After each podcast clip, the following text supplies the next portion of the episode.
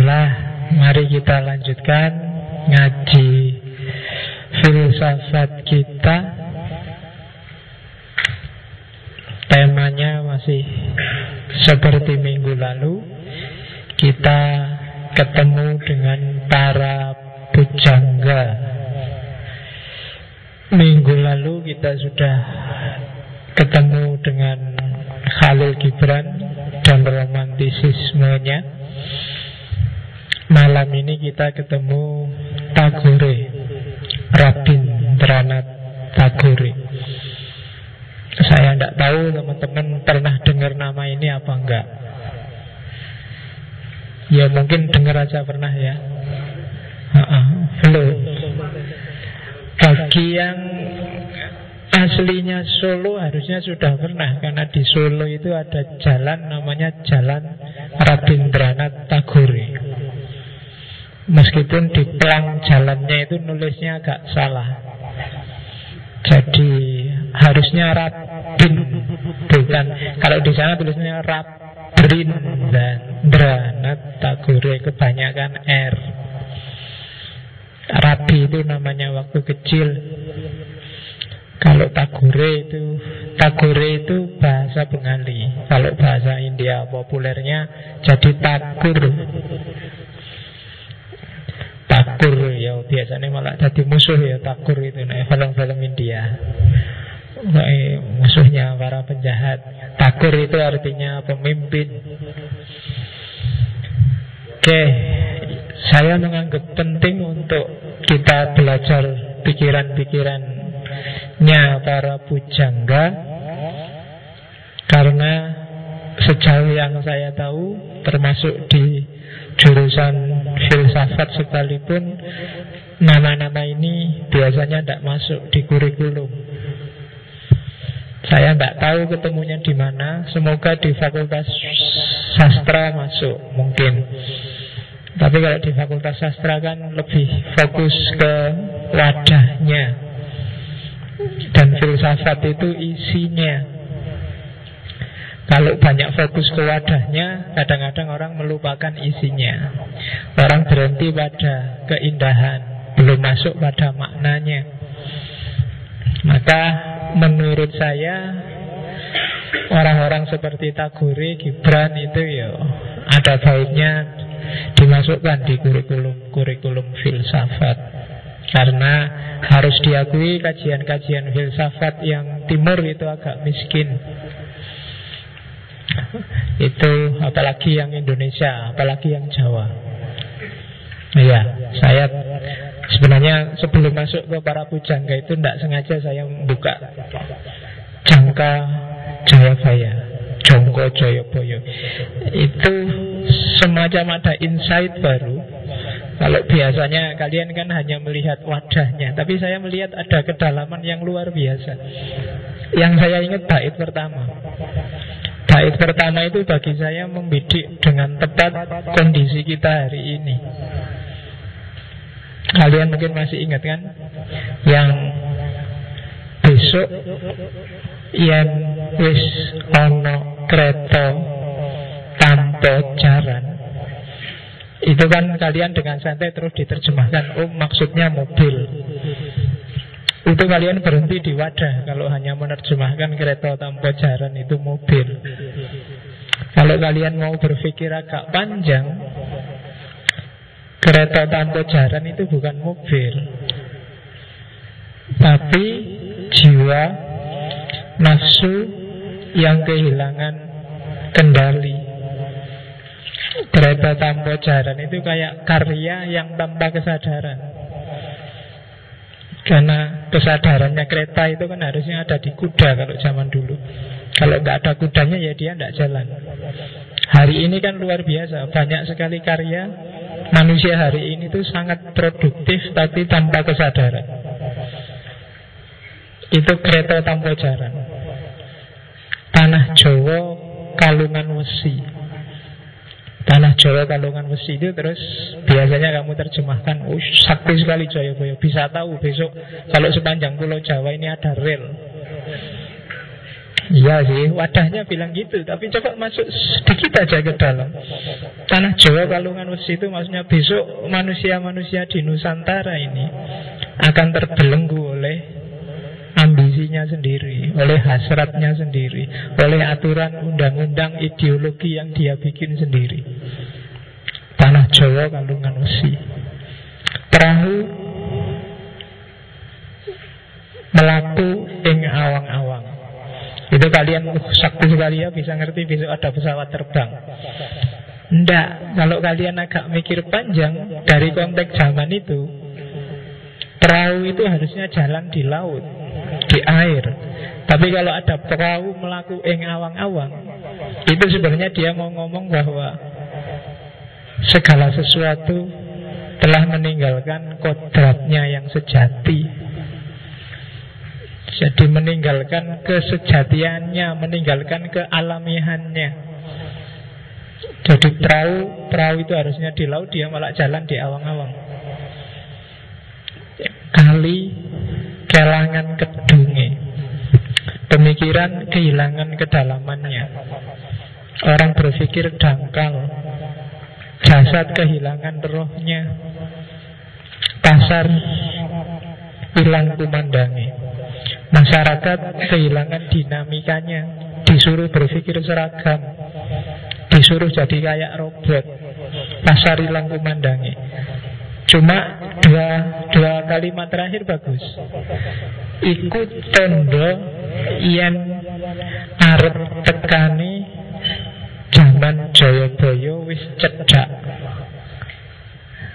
akan segera datang zaman Jayabaya. Jangan salah, cara mengartikan Jayabaya itu bukan nama orang, bukan nama Jaya itu artinya menang. Boyo itu kalau di bahasa Sanskerta artinya ketakutan. Jadi Jaya Boyo itu adalah akan segera datang orang-orang yang bisa menaklukkan ketakutannya. Jadi itu sebenarnya syair yang sangat optimis. Jadi ketika zaman sudah rusak, maka akan datang para pembaharu, para joyo-boyo, mereka yang akan memenangkan pertarungan. Sudah saatnya. Jadi bukan zaman rusak-rusakan mau kiamat. Itu sekilas saja saya baca Joyoboyo Ternyata ya luar biasa. Kapan-kapan kita ngaji Tapi versi filsafat. Kalian kan ada ngaji versi Jawanya. Kita masuk versi filsafatnya. Ada banyak makna yang luar biasa. Itu yang bikin saya Ah sekali-sekali kita bikin sesi para pujangga. Ternyata ada gaya sendiri yang khas Dari para pujangga Oke itu nambah wawasan kan? Ternyata tidak sedangkal bahwa Ono kereta tanpa jaran itu berarti mobil. Ono perahu melalui ngawang-ngawang berarti pesawat terbang. Wah berarti ini yang ngarang sakti sekali Bisa ngerti masa depan. Iya bisa begitu. Di antara tanda kesaktiannya mungkin itu. Tapi yang dimaksud menurut saya tidak sesimpel itu Intinya besok kalau moralitas sudah rusak Jangan khawatir tapi akan datang orang-orang yang bisa menaklukkan ketakutannya. Kalian ini kan problem terbesarmu kan ketakutan. Takut tidak lulus. Takut nilainya jelek. Takut tidak dapat jodoh. Takut apa mana? Tidak dapat kerjaan. Takut Wis pokoknya ada semua isinya kan takut kamu. Yang kamu kegalauanmu A sampai Z dari ini sebenarnya kuncinya satu, kamu takut. Ya kan? Kamu ngejar-ngejar perempuan nyari ceweknya itu kan sebenarnya karena kamu takut jangan-jangan besok nggak laku. Harus sekarang nyarinya. Itu kan karena kamu takut nggak laku. Ya kan, kuliah juga gitu kan, nggak lulus, lulus kamu tiap hari galau, tiap hari gelisah, karena kamu takut besok nggak lulus beneran gimana? Oke, okay. nah sekali-sekali belajar dari para bujangga. Hidup tidak melulu terukur dan rasional. Cuma ya tidak gampang, ada perjalanannya agak berat. Kayak Tagore ini, Tagore ini unik. Kalau bagi orang-orang India, Pakistan, Bangladesh Ini kayak manusia setengah dewa dia. Karena posisinya sangat tinggi. Tagore ini Brahmana tapi sastrawan. Filosof tapi ahli musik.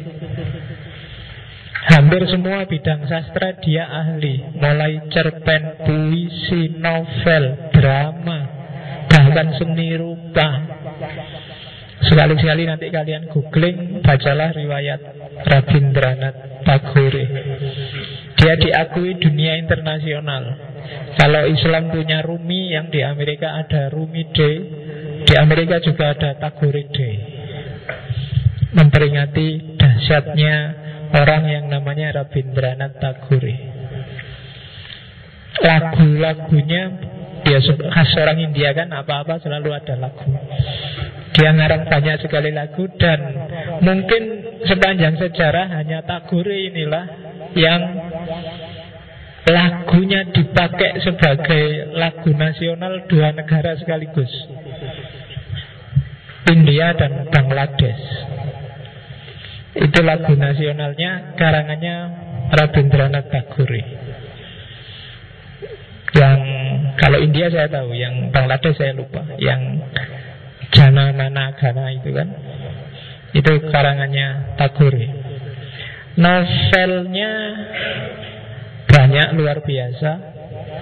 Di Indonesia pengaruhnya juga luar biasa. Zaman saya sanawiyah dulu banyak lihat meskipun ya baca sedikit-sedikit karya-karyanya Tagore yang diterjemahkan dalam bahasa Indonesia. Yang saya ingat ada yang judulnya Tukang Kebun, ada yang judulnya Sang Juru Taman, ada yang paling terkenal Gita Nyali. Terus cerpen juga banyak. Belakangan saya lupa saya waktu aliyah apa sanawiyah yang baca tulisannya Gunawan Muhammad itu yang meresensi tentang tulisannya Tagore, cerpennya Tagore yang judulnya Gora. Gora ini cerpen yang ceritanya seorang laki-laki agama Hindu tidak pernah ke mana-mana wawasannya sempit Ngertinya Hindu saja.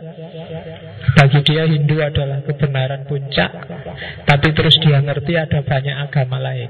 Ya karena cerpen nanti akhirnya happy ending Terbuka matanya bahwa kebenaran itu ada banyak Itu cerpennya Tagore Judulnya Gora Tagore hidup Iya, kelahirannya sekitar 1861. 1861 itu berarti waktu Tagore lahir di Indonesia masih ada di Jawa masih ada Ronggo Warsito masih hidup. Ronggo Warsito lahir tahun tahun itu berarti sekitar umur 69 70 Ronggo Warsito. Jadi Rondo Warsito umur 69 di India lahir Rabindranath Tagore. Asli Bengal, Bengal itu Bengali, Bengali ini nanti yang jadi Bangladesh. Bagi yang ngerti sejarahnya India kan India itu kan di bawah The Empire of Indian British. Zaman penjajahan Inggris India itu pecah jadi India Pakistan tahun 47 Terus Pakistan ada dua Pakistan Barat, Pakistan Timur Pakistan Timur nanti merdeka sendiri Karena perang dengan Pakistan Barat Dibantu oleh India Yang pada awalnya memang nggak terlalu suka dengan Pakistan Dan akhirnya lahirlah negara baru namanya Bangladesh. Saya masih ingat karena presiden pertamanya itu seorang tokoh muslim yang terkenal Syekh Mujibur Rahman.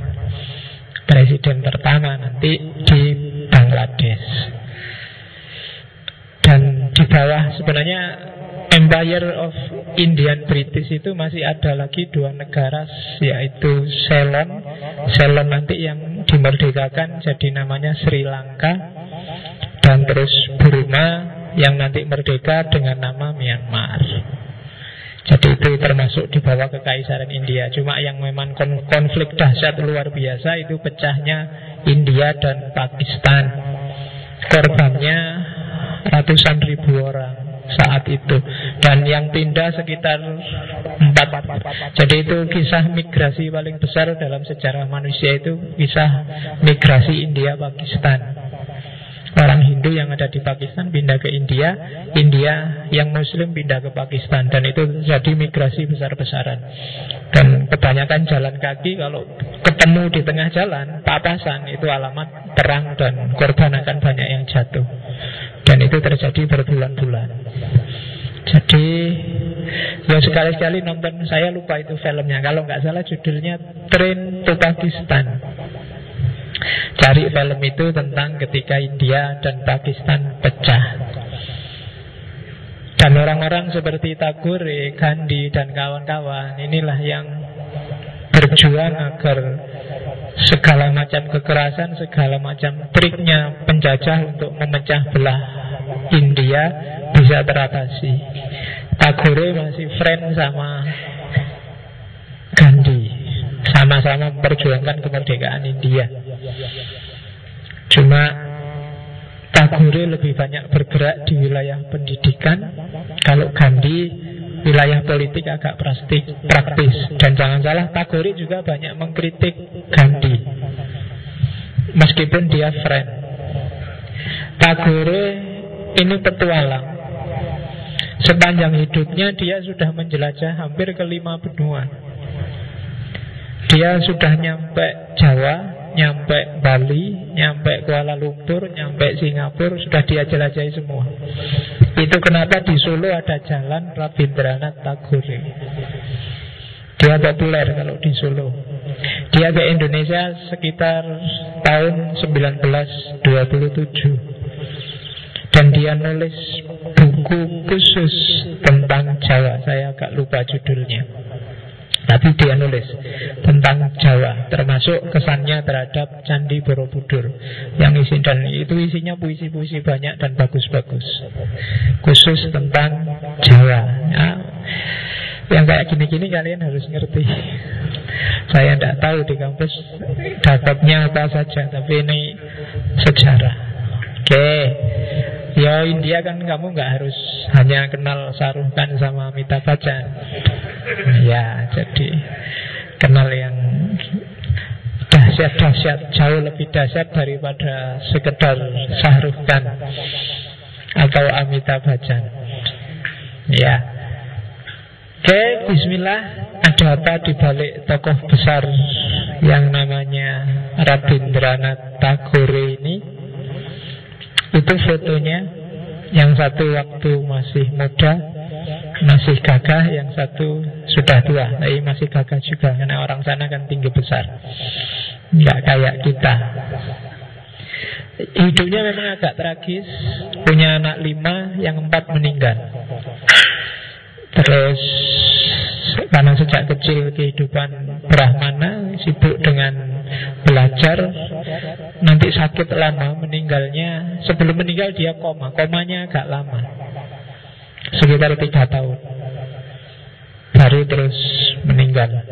Dan meninggalnya dia diperingati di banyak negara khususnya negara-negara dekat bahkan termasuk di Amerika. Nanti ada semacam hari libur nasional untuk memperingati meninggalnya Rabindranath Tagore. Oke, kita tidak sibuk dengan puisi dan wadahnya seperti saya bilang tadi, kita masuk ke isinya. Sama kayak gituran kemarin. Ini keywordnya. Bagi yang ingin belajar Tagore, keywordnya ada tiga. Semua pikiran-pikirannya basisnya tiga keyword ini kewajaran. Kewajaran itu berarti yang alami, yang natural tadi. Yang kedua kebebasan. Yang ketiga keseimbangan, harmoni.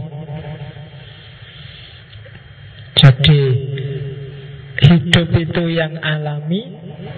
Kalau kita hidup alami pasti bebas. Kalau kita bebas sesuai kodrat kita, maka alam semesta akan seimbang. Keywordnya di situ. Jadi alami itu tidak maksain.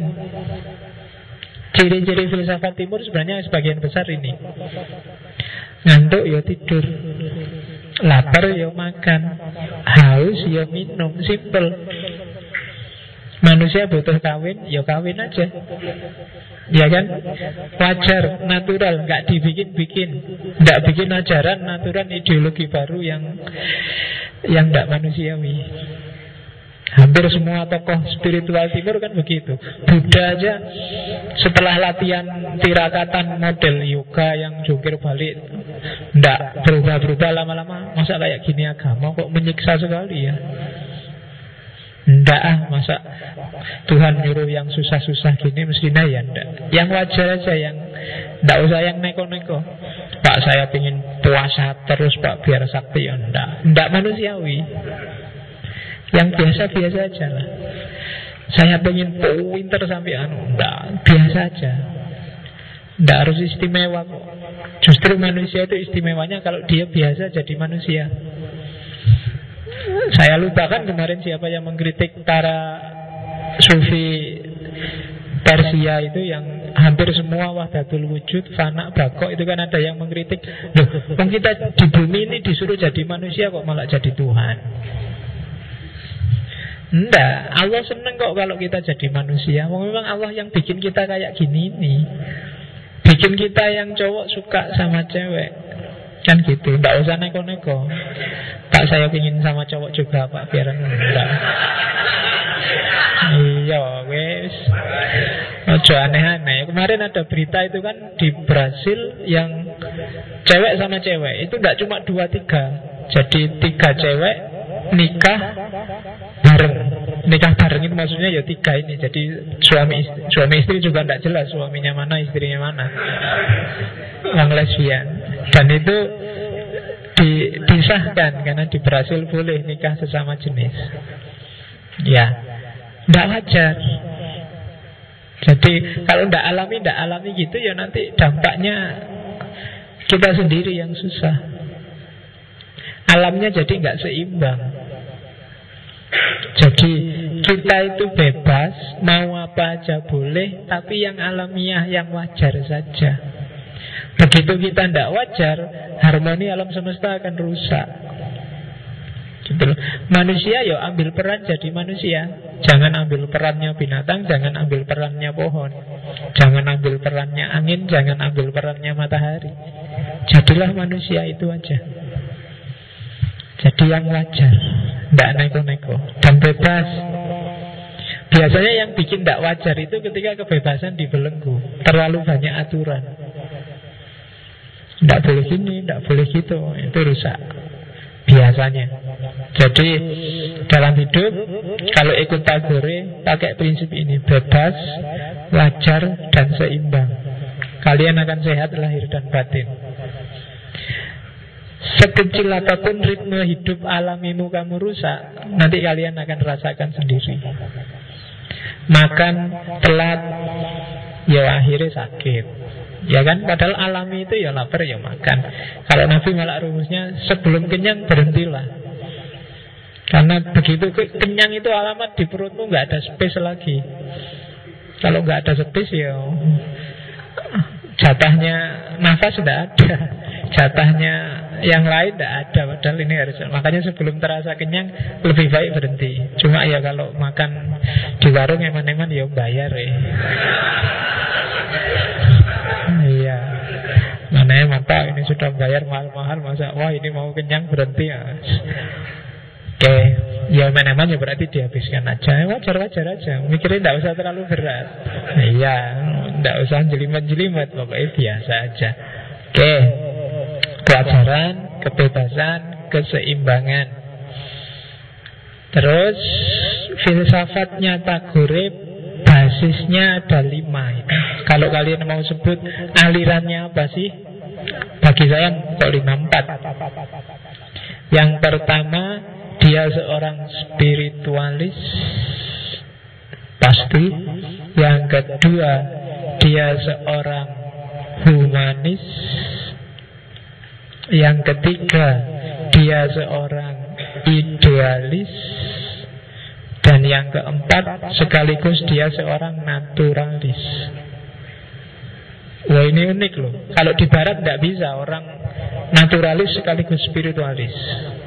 Orang idealis sekaligus humanis. Tapi di timur tidak masalah. Jadi kalau di barat itu kan dipisah tegas. Ini idealisme, ini realisme. Ini urusannya akal, ini urusannya kenyataan empiris. Tapi kalau di timur, ya dalam yang empiris itu terkandung yang spiritual. Spiritual itu manifestasinya pasti empiris. Tidak bisa dipisah. Manusia itu fisik, di balik yang fisik ada yang rohani. Rohani dan fisik itu dua hal dari satu mata uang. Sama sebenarnya. Kalau tidak ada fisiknya nggak bisa disebut manusia, nggak ada spiritualnya juga tidak bisa. Dia spiritualis, yaitu kalimatnya dia yang terayam Brahman. Brahman nanti tandingannya Atman. Silahkan dibuka lagi sesi ketika saya ngomong agama Hindu. Jadi spiritual. Di, sebagaimana jasadmu bisa matang secara fisik, spiritualmu sebenarnya juga bisa memuncak. Kalau tiap hari fisikmu kamu kasih makan biar sehat, spiritual jiwamu, rohanimu juga butuh makan biar sehat. Seperti juga akalmu butuh juga asupan gizi kalau kamu biarkan nggak dikasih makan, seperti tubuhmu yang jatuh sakit, pingsan, mati, akal juga begitu. Rohani juga begitu, spiritualitas juga begitu. Dia juga bisa sakit, bisa mati. Akal juga bisa sakit, bisa mati. Ya akal sakit itu kan dia hari kalian bilang, wow rawaras ini. Nah, itu berarti akalnya sakit. Karena tidak pernah latihan belajar berpikir yang jernih maka dia tidak terlatih. Cara berpikirnya gagap. Kalau fisik yang gagap mulutnya. Tapi berpikir gagap itu mikirnya loncat-loncat Tidak jelas. Kalau diomongkan orang tidak paham. Nah itu perlu latihan mikir. Kalau kalian merasa Pak saya kok kok loncat-loncat kok ngomong tidak jelas Katanya teman-teman tulisan ini karpe opo itu? Nah berarti kalian harus latihan mikir. Spiritualitas juga begitu. Kalau hubunganmu sama Tuhan waktu sholat, waktu puasa kok tidak menyuburkan spiritualitasmu, tidak ada rasanya, hambar, itu alamat spiritualitasmu kurang gizi. Ya kan? Hubunganmu sama Tuhan formalitas, perlu dikasih gizi. Ya kamu sendiri yang tahu gizinya apa Pak Tanyakan dirimu sendiri jadi katanya Tagore manusia harus mencapai puncak spiritualitasnya. Yang kedua humanis. Humanis itu sederhananya ya kayak yang alamiah tadi, memanusiakan manusia. Bikin kita jadi manusia. Yang kita sudah manusia, tapi kita harus belajar dulu jadi manusia yang benar. Itu humanisme versi timur. Nanti humanisme versi barat ada manifesto humanisme yang diinisiasi oleh Immanuel apa? oleh Karl dan kawan-kawan urusannya beda sama humanisme timur. Kalau di timur jargonnya simpel, memanusiakan manusia. Jadi sebelum kalian bergaya jadi Tuhan menghakimi orang atau sebelum kalian gaya kayak binatang ambisius, agresif atau bergaya kayak tumbuhan males, santai, sakar dewe atau bergaya kayak setan. Coba latihan jadi manusia. Jadi manusia aja belum bisa, masa mau jadi Tuhan? Kan banyak sekarang yang acting jadi Tuhan. Janganlah latihan jadi manusia aja. Jadi manusia itu yang bagus gimana sih? Yang natural gimana sih? Yang normal manusia itu gimana sih? Belajarlah. Dan itu tidak gampang loh. Ya kan Karena manusia itu makhluk yang paling kompleks. Menjadi manusia berarti kamu kadang harus latihan jadi benda Kadang harus latihan jadi tumbuhan Kadang harus latihan jadi hewan Kadang harus latihan jadi iblis Kadang harus latihan jadi malaikat Kadang Manusia kan kompleks. Asal tahu kapan menggunakannya. Jadi humanis. Dan itu yang ada di hampir semua tulisan dan puisinya Tagore. Setelah humanisme ini sudah tidak kelihatan ya sudah tua ternyata. Ya, idealis. Idealis ini yang oleh Barat mulai ditinggalkan. Jadi hidup itu kalau di Barat lebih suka eksistensialis.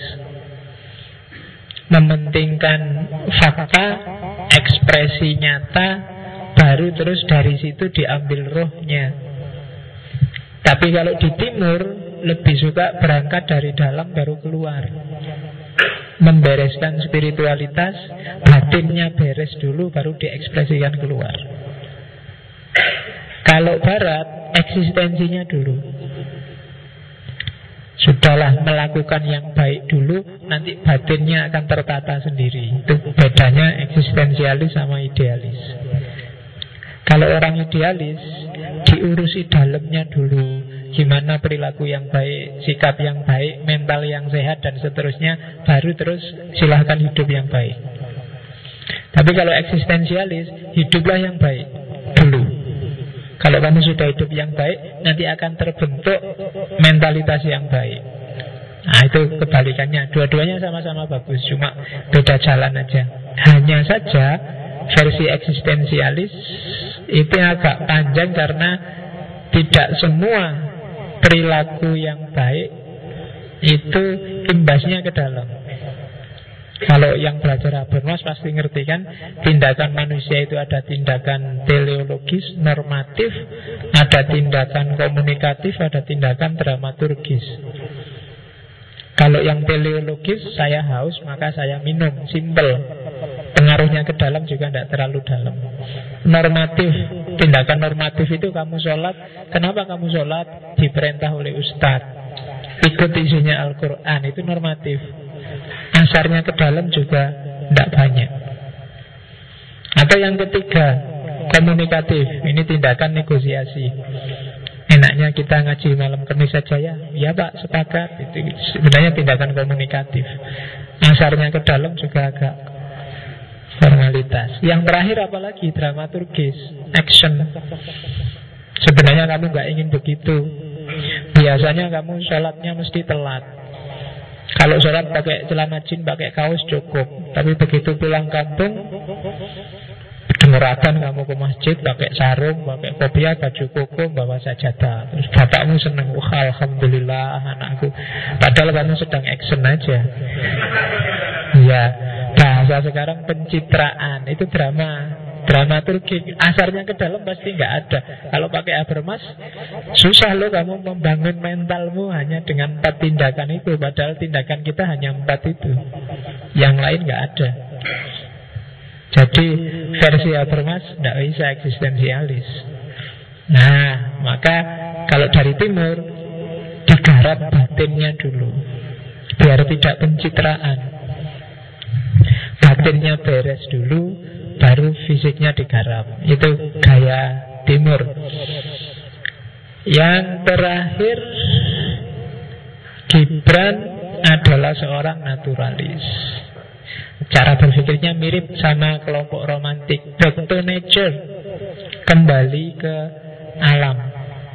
Hampir semua nanti para pujangga maunya kembali ke alam. Jangan dirusak ritmenya iramanya. Jangan bikin perahu yang bisa jalan-jalan di awan. Karena perahu itu jalannya di air. Jadi naturalisme berarti kembali ke alam. Yang alami-alami aja deh. Meskipun menerjemahkannya nggak kayak era romantisisme zaman Gibran kemarin. Kalau zaman Gibran kemarin kan Orang itu yang alami ya tidak pakai baju. Maka terus gambari kan orang. Kadang-kadang banyak orang telanjang. Inilah aslinya manusia. Ya tidak gitu.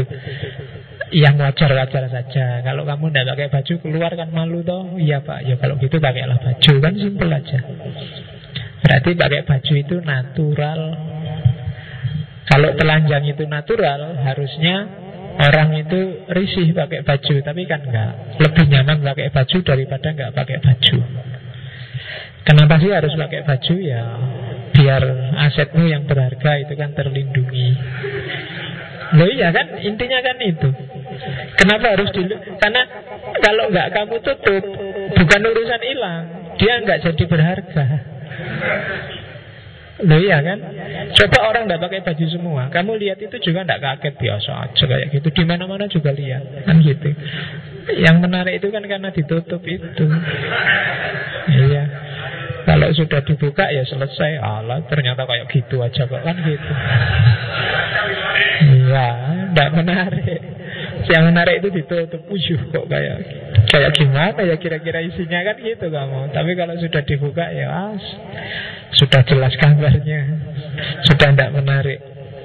Ya, Makanya besok Karena ada yang tanya Pak besok itu kalau kiamat Telanjang semua Malu nggak ya saling lihat? Tidak kalau telanjang semua ya sudah Orang nggak saling lihat yang ngapain sudah sudah kelihatan semua nggak usah saling lihat. Saling lihat itu apalagi ngelirik-ngelirik kan kalau nggak kelihatan. Dong itu orang nggak mikir ke situ semua. Mikirnya yang lain. Ya tidak tahu Besok kiamat masih ada yang pikirannya ngeres apa enggak Tidak tahu saya. Ya Jangan-jangan Waktu kiamat sudah orang semua mikir amal baiknya Kamu masih sempet-sempetnya lihat-lihat Wah masih Iya. Iya. Jangan-jangan nanti malaikatnya cekikian lihat kamu. Lihat itu lucu itu. Iya. Nanti Gusti Allah juga ketawa. Oke, jadi Tagore seorang yang humanis, spiritualis, idealis, dan naturalis. Kombinasi yang menyatukan sejarah filsafat dari klasik sampai modern jadi satu. Dan itu agak susah nyari padanannya. Kita masuk satu-satu ya. Saya masukkan dulu yang tentang negara, karena dia dikenal nasionalis Tapi tidak kaku seperti Gandhi Katanya Tagore Kata dia Negara ideal. Itu bagi di banyak puisinya dia menyebut Yang pertama negara yang merdeka. Merdeka yang sejati. Bukan hanya sudah proklamasi. Jadi Merdeka itu berarti dia bisa ngatur nasibnya sendiri tanpa harus disetir, tanpa harus dipengaruhi. Yang kedua, tidak terpenjara oleh masa lalu. Banyak orang yang tidak terpenjara itu berarti bukan berarti cuek dengan masa lalu, tapi tidak berhenti di masa lalu.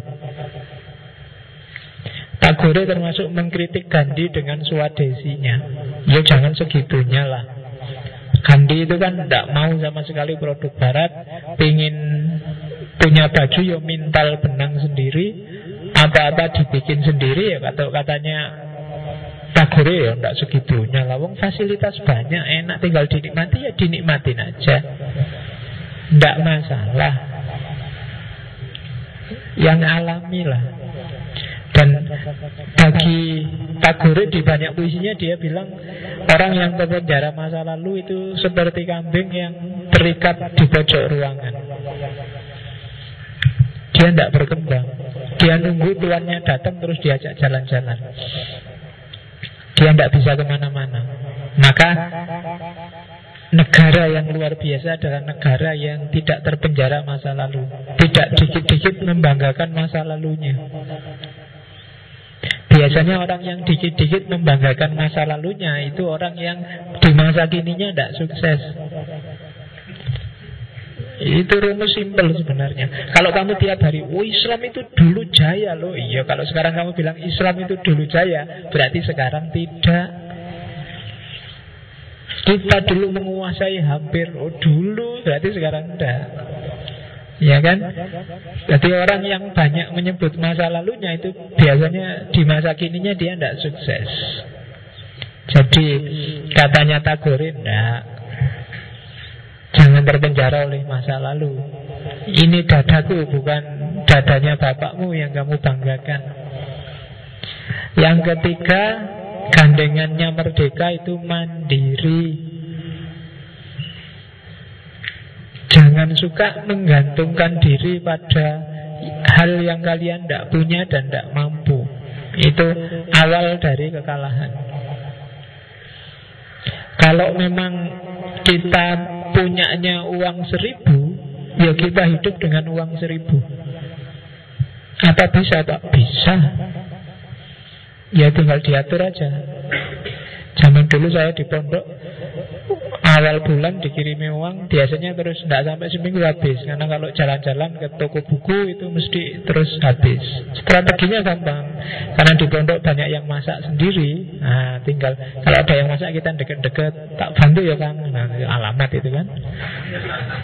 Iya. Jadi atau kalau lagi males bantu ya ditunggu aja. Kalau sudah mateng mendekat-dekat. Wah enak nih sudah mateng. Mesti kan. Ayo monggo ayo kita langsung duduk ikut makan. Itu dulu strategi cerdas untuk iya jadi yang penting mandiri. Negara itu harus mandiri. Indonesia ini saya tidak tahu berapa persen dia mandiri berapa persen dia tergantung. Iya, kebanyakan mungkin tergantungnya. Dan itu berarti negara yang tidak harusnya.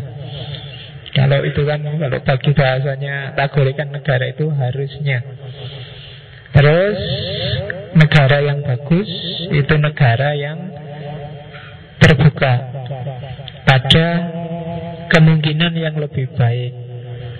Jangan keras kepala. Tradisi kita dulu gini Kalau ada yang lebih bagus Ambil aja yang lebih bagus. Tidak masalah. Dan itu ada hubungannya dengan yang terakhir Memahami yang lain Tapi passionnya tetap pada kebudayaannya sendiri Apa boleh kamu pakai jubah, pakai jenggot? Boleh siapa yang larang? Apa boleh Pak? Saya gayanya kayak orang Amerika Jalan-jalan pakai celana pendek nggak pakai baju. Boleh itu urusanmu. Iya. Itu kan hakmu. Misalnya Pak Saya mau ke mall pakai sarung nggak pakai celana dalam Boleh nggak Pak? Boleh. Iya.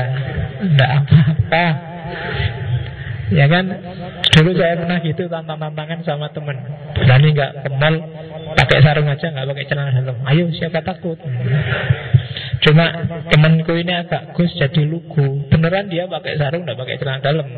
Saya pakai sarung, tapi dalamnya ada celana. Jadi begitu nyampe mall, sarungku tak ambil, tak lipat. Sekarang pakai celana, dia pakai sarung beneran. Dan itu marah-marah di mall. Iya, tidak. Ngomong apa itu? Jadi yang lain boleh masuk. Tapi passionmu Itu bahasa aku sendiri sih passion. Hari ini kan orang sering ngomong passion. Jatuh cintamu Keterikatanmu Harus pada budayamu sendiri. Jadi rumus Kalau mau bikin negara yang bagus Harus merdeka Tidak terjajah di level apa pun Tidak terpenjara oleh masa lalu Mandiri terbuka untuk perbaikan yang terus-menerus dan kamu cintai negaramu. Kalau ini semua ada, entah lambat, entah cepat, negara akan jaya. Ada di semua rakyatnya ini. Itu negara itu pasti akan jaya, tidak bisa enggak. Itu rumusnya dari Tagore. Nanti ada ada puisi yang bagus tentang negara saya. Saya kutip dikit aja itu puisi panjang sebenarnya. Yang ngobrol sama ayahnya. Negara yang bagus itu di mana pemikiran tak lagi ketakutan dan kepala tinggi ditegakkan. Di mana pengetahuan bebas berkeliaran dunia tidak terpisah-pisah dalam pecahan-pecahan kecil berserakan di mana akal yang jernih tidak hilang kendali menerangi padang pasir suram dari lembah kematian. Menuju surga kebebasan semacam itulah ayah. Biarlah negaraku membuka matanya. Sebenarnya puisi panjang tentang negara, tapi tak coba yang ini. Jadi visinya persis kayak tadi Dia harus merdeka, mandiri, terbuka. Tidak bisa ngelarang-ngelarang orang berpikir, berekspresi Bebas.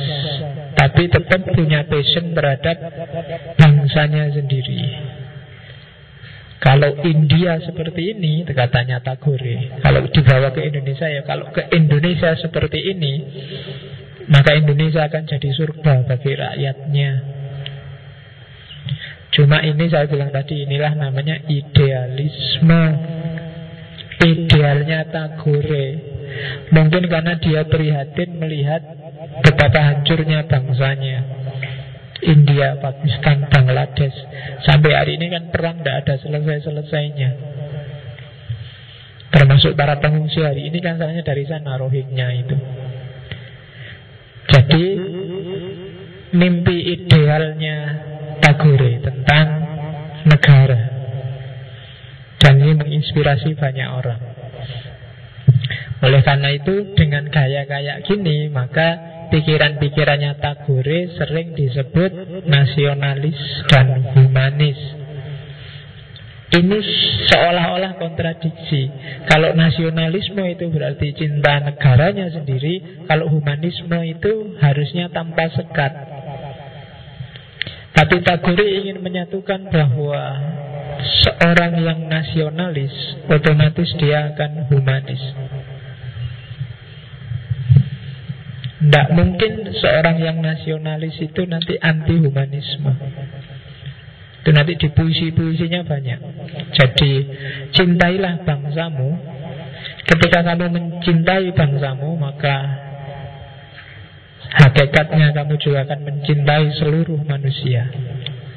Dalam sejarah Tagore adalah sastrawan pertama yang mendapatkan Nobel Sekitar 1913 Dia juga pernah dapat gelar knighthood. Harusnya dia pakai sir Tapi gelar itu dikembalikan. Tahun 1919 Setelah Inggris membantai rakyat. Ada satu kota namanya Amritsar. Itu ratusan orang tewas di sana dan oleh Tagore dikembalikan. Jadi Tagore ini saya bilang tadi, orangnya natural dapat hadiah meskipun yang ngasih barat dia terima karena dia lihat oh itu tidak melihat apa-apa cuma melihat karya sebagai seorang sastrawan ya diterima. Tapi begitu lihat yang ngasih ini kok jahat ya dikembalikan lagi jadi tidak rumit-rumit. Wah itu yang ngasih barat Saya kan tidak barat, saya timur Tidak usah, nggak nobel-nobelan Kan ada yang kayak gitu, dikembalikan. Tapi kalau Tagore, kok ada orang mau ngasih Biar seneng ya diterima. Tapi kok setelah ngasih Malah bantai, ya dikembalikan lagi. Jadi Tidak harus dipikirin jelimet. Jadi Tagore nasionalismenya luar biasa. Termasuk dia mengkritik swadesinya Gandhi saya bilang tadi, Gandhi itu kan maunya orang memenuhi hidupnya sendiri tapi gaya kuno. Harus pakai baju memintal benangnya sendiri. Sementara ya kalau bajunya kayak yang dipakai Gandhi gampang. Cuma dikelawer-kelawerkan itu selesai. Nah kalau baju yang dipakai orang-orang pakai alat pintal lama ya pontang panting. Harus pakai mesin jahit yang modern. Jangan anti sain Meskipun harus membebaskan diri dari penjajahannya barat. Jadi Ya itu tadi Dia naturalis Meskipun idealis. Itu cirinya Tagore. Nah ini yang monumental dari Tagore. Santi Niketan. Saya tidak tahu kalian pernah dengar apa enggak Jangan salah, pengaruhnya Santini Ketan ini luar biasa. Taman siswa yang didirikan oleh Ki Hajar Dewantoro itu inspirasinya dari Santini Ketan. Sekolah alam yang sekarang ada di Jakarta, di Parung, di Bogor, di Bandung, di Surabaya itu sebenarnya jiplak gaya Santini Ketan. Jadi katanya Tagore perjuangan pertama untuk merdeka itu jalurnya harus pendidikan Bukan perang. Semakin orang cerdas Semakin dia susah untuk dikuasai. Dan Santiniketan juga merupakan reaksi terhadap Inggris saat itu. Inggris bikin sekolah Sama persis kayak Belanda di sini bikin sekolah tapi sekolah-sekolah di tanah jajahan itu kan bukan sekolah yang untuk nyari ilmu, bukan sekolah yang untuk meningkatkan martabat orang lokal. Tapi sekolah itu dibikin untuk memenuhi kebutuhan kolonialisme. Di Indonesia, Belanda itu bikin sekolah his, mulo, dan lain-lain. Itu tujuannya kan biar dia dapat pegawai yang murah dan gratis bahkan. Orang-orang pinter nanti begitu lulus diangkat jadi pegawai untuk ngurusi wilayah jajahannya Belanda. Itu sehingga mentalitasnya orang sekolah zaman Belanda itu mentalitas pegawai. Pokoknya lulus nanti akan jadi pegawai. Jadi kalau kalian sekarang cita-citamu adalah jadi pegawai, PNS itu mentalmu mental penjajah. Kamu adalah korban penjajahan jadi dulu orang cita-cita dan banyak orang yang tidak mau meskipun ikut sekolah yang dijadiin pegawai banyak yang tidak mau. Saya ada beberapa keluarga yang daripada jadi pegawai milih dagang dan sampai sekarang kaya karena dagang bukan karena jadi pegawai. Cuma sekarang kan cita-cita mungkin hampir 90% yang di sini kan seandainya besok lulus terus jadi PNS apalagi dosen, enak mesti kan gitu. Mimpimu kan mimpi pegawai. Padahal kalau kamu nggak percaya coba tanyain pegawai negeri, mulai guru, karyawan sampai dosen itu cari yang tidak mengeluh. Hampir semua mengeluh. Nah kok kamu mau maunya pengen jadi pegawai? Um, Semuanya mengeluh kok. Cuma ya memang di Indonesia hari ini kan Profesi apa sih yang tidak ngeluh? Presidennya mengeluh DPR-nya mengeluh Dosennya mengeluh Mahasiswanya apalagi mengeluh. Jadi ya sak negara itu isinya mengeluh semua. Gusti Allah mesti judek mikir.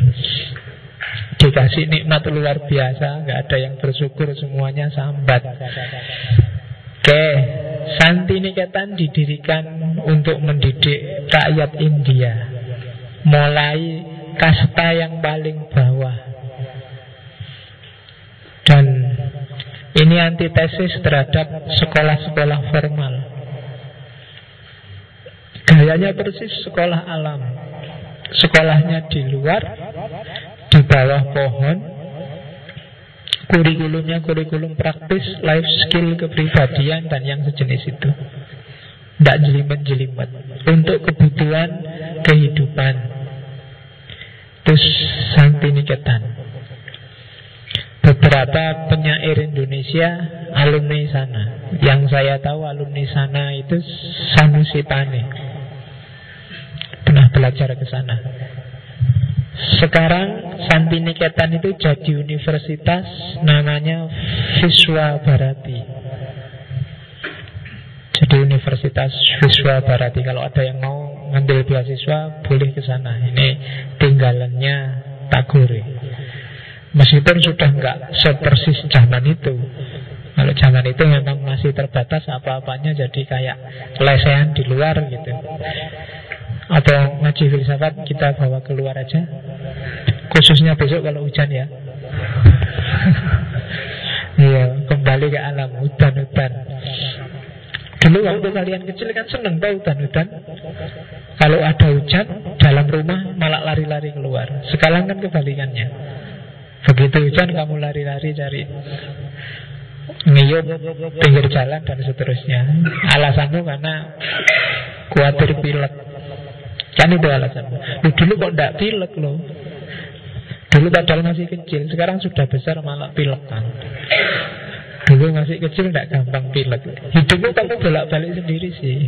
Kayak katanya Tagore kan, kamu sendiri yang bikin tidak natural. Jadinya kena angin sedikit, batuk. Kena hujan sedikit, flu. Yaitu kamu sendiri yang bikin ringkih. Harusnya manusia nggak sering ke itu. Tapi ya kamu sendiri yang bikin mungkin gaya hidupmu, gaya makanmu, waktunya tidur kamu makan, waktunya makan kamu tidur. Iya kan? Waktunya belajar kamu ngobrol, waktunya ngobrol kamu gitaran, kapan belajarnya? Oke, filosofinya sama. Kayak hampir semua pikiran-pikirannya. Harmoni, kebebasan, kreativitas, komunikasi. Jadi pendidikan itu harus mengajarkan harmoni, harus membebaskan, mendorong kreativitas, dan dilakukan secara komunikatif, bukan doktrinasi. Itu filosofinya Santiniketan. Bagi yang tertarik dengan filsafat pendidikan, tema-tema ini boleh diangkat. Filsafat pendidikannya Rabindranath Tagore. Dan ini nanti yang diadopsi oleh Taman Siswa pada zamannya. Jadi pendidikan itu nggak harus terlalu banyak mata kuliah terlalu banyak yang diajarkan. Kalau di Indonesia ini kan kamu mengangkat tasnya anak SD dia bisa Iya, beratnya luar biasa. Jadi satu mata pelajaran itu bukunya bisa lima.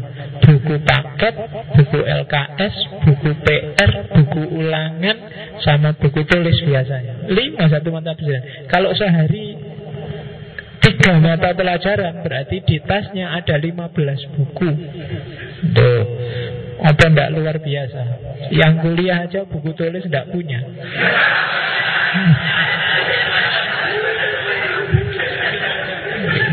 Ya kan? Kamu neng kampus cuma sanggup HP sama kertas sak lembar. Ya. Itu pun waktu dosennya ngomong ya kamu apa ya nulis paling gambar. Dosennya digambar di itu.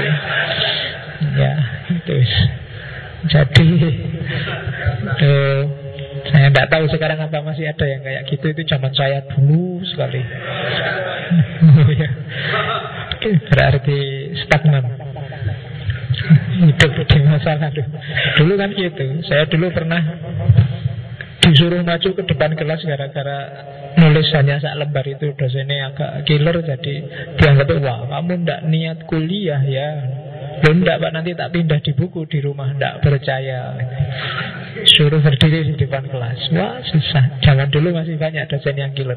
Pernah neng kelas itu ngantuk terus dimarahi. Eh kuliah jangan tidur Ayo wudhu di luar Wah wudhu akhirnya Terus begitu ngawanu Ayo berdoa Doa sebelum belajar Oh ya doa sebelum belajar Jadi Zaman dulu masih gitu. Saya sekarang tidak ada mungkin dosen gitu. Tak coba sekali-sekali. Seru mungkin ya. Ayo ngantuk, ayo butuh baca doa kan gitu. Oke. ya. Jadi harmoni, kebebasan, kreativitas, komunikasi. Ini pendidikan untuk manusia. Karena itu harus ada komunikasi, jangan satu arah. Pendidikan harus mendorong kreativitas. Jangan cuma dicekoi, jangan cuma dikasih makan, jangan cuma dikasih beras, tapi kasih juga kail biar dia kreatif. Jangan cuma diceramahi, tapi suruh menghasilkan sesuatu atau latihlah dia biar bisa menghasilkan sesuatu kreatif dan bebas. Pendidikan yang jelek dalam konteks kebebasan adalah pendidikan yang isinya hanya menyuruh dan melarang. Ayo tugas kita satu semester ini ini ini ini. Yang kedua tidak boleh ini, tidak boleh itu, itu alamat itu sudah. Kamu masuk penjara sudah. Iya, jadi isinya hanya perintah dan larangan. Tidak ada komunikasi. Jadi pendidikan harus bebas dan membebaskan. Yang terakhir menanamkan jiwa harmoni. Jiwa harmoni itu gimana caranya yang manusia jadi manusia dan memposisikan dirinya di alam semesta sebagai manusia. Dengan dia bergaya sebagai manusia, alam akan harmonis. Ada yang bergaya sebagai Tuhan Alam semesta diatur Dihisap, dieksplorasi Sakar PDW Dia harus jadi manusia Mengambil alam sesuai kebutuhannya Dan berperan sesuai posisinya Dan setiap manusia harus dilatih ini jadi keywordnya pendidikan berkualitas menurut Tagore adalah harmoni, kebebasan, kreativitas, dan komunikasi. Oke, lagi. Oleh karena itu, pendidikan yang ideal itu cirinya adalah humanisasi, liberasi, problem solving, jalan untuk pencerahan, jalan untuk mengembangkan kepribadian dan menumbuhkan rasa harmonis. Besok kalian kalau bikin sekolah sendiri, bikin kampus sendiri, bikin lembaga pendidikan sendiri, perhatikan ideal-ideal itu. Bisa semuanya syukur, kalau enggak salah satu apa salah duanya. Enggak apa-apa. Harus humanisasi, ini karakter dasarnya, bolak-balik diomongkan yang humanisasi ini. Memanusiakan manusia.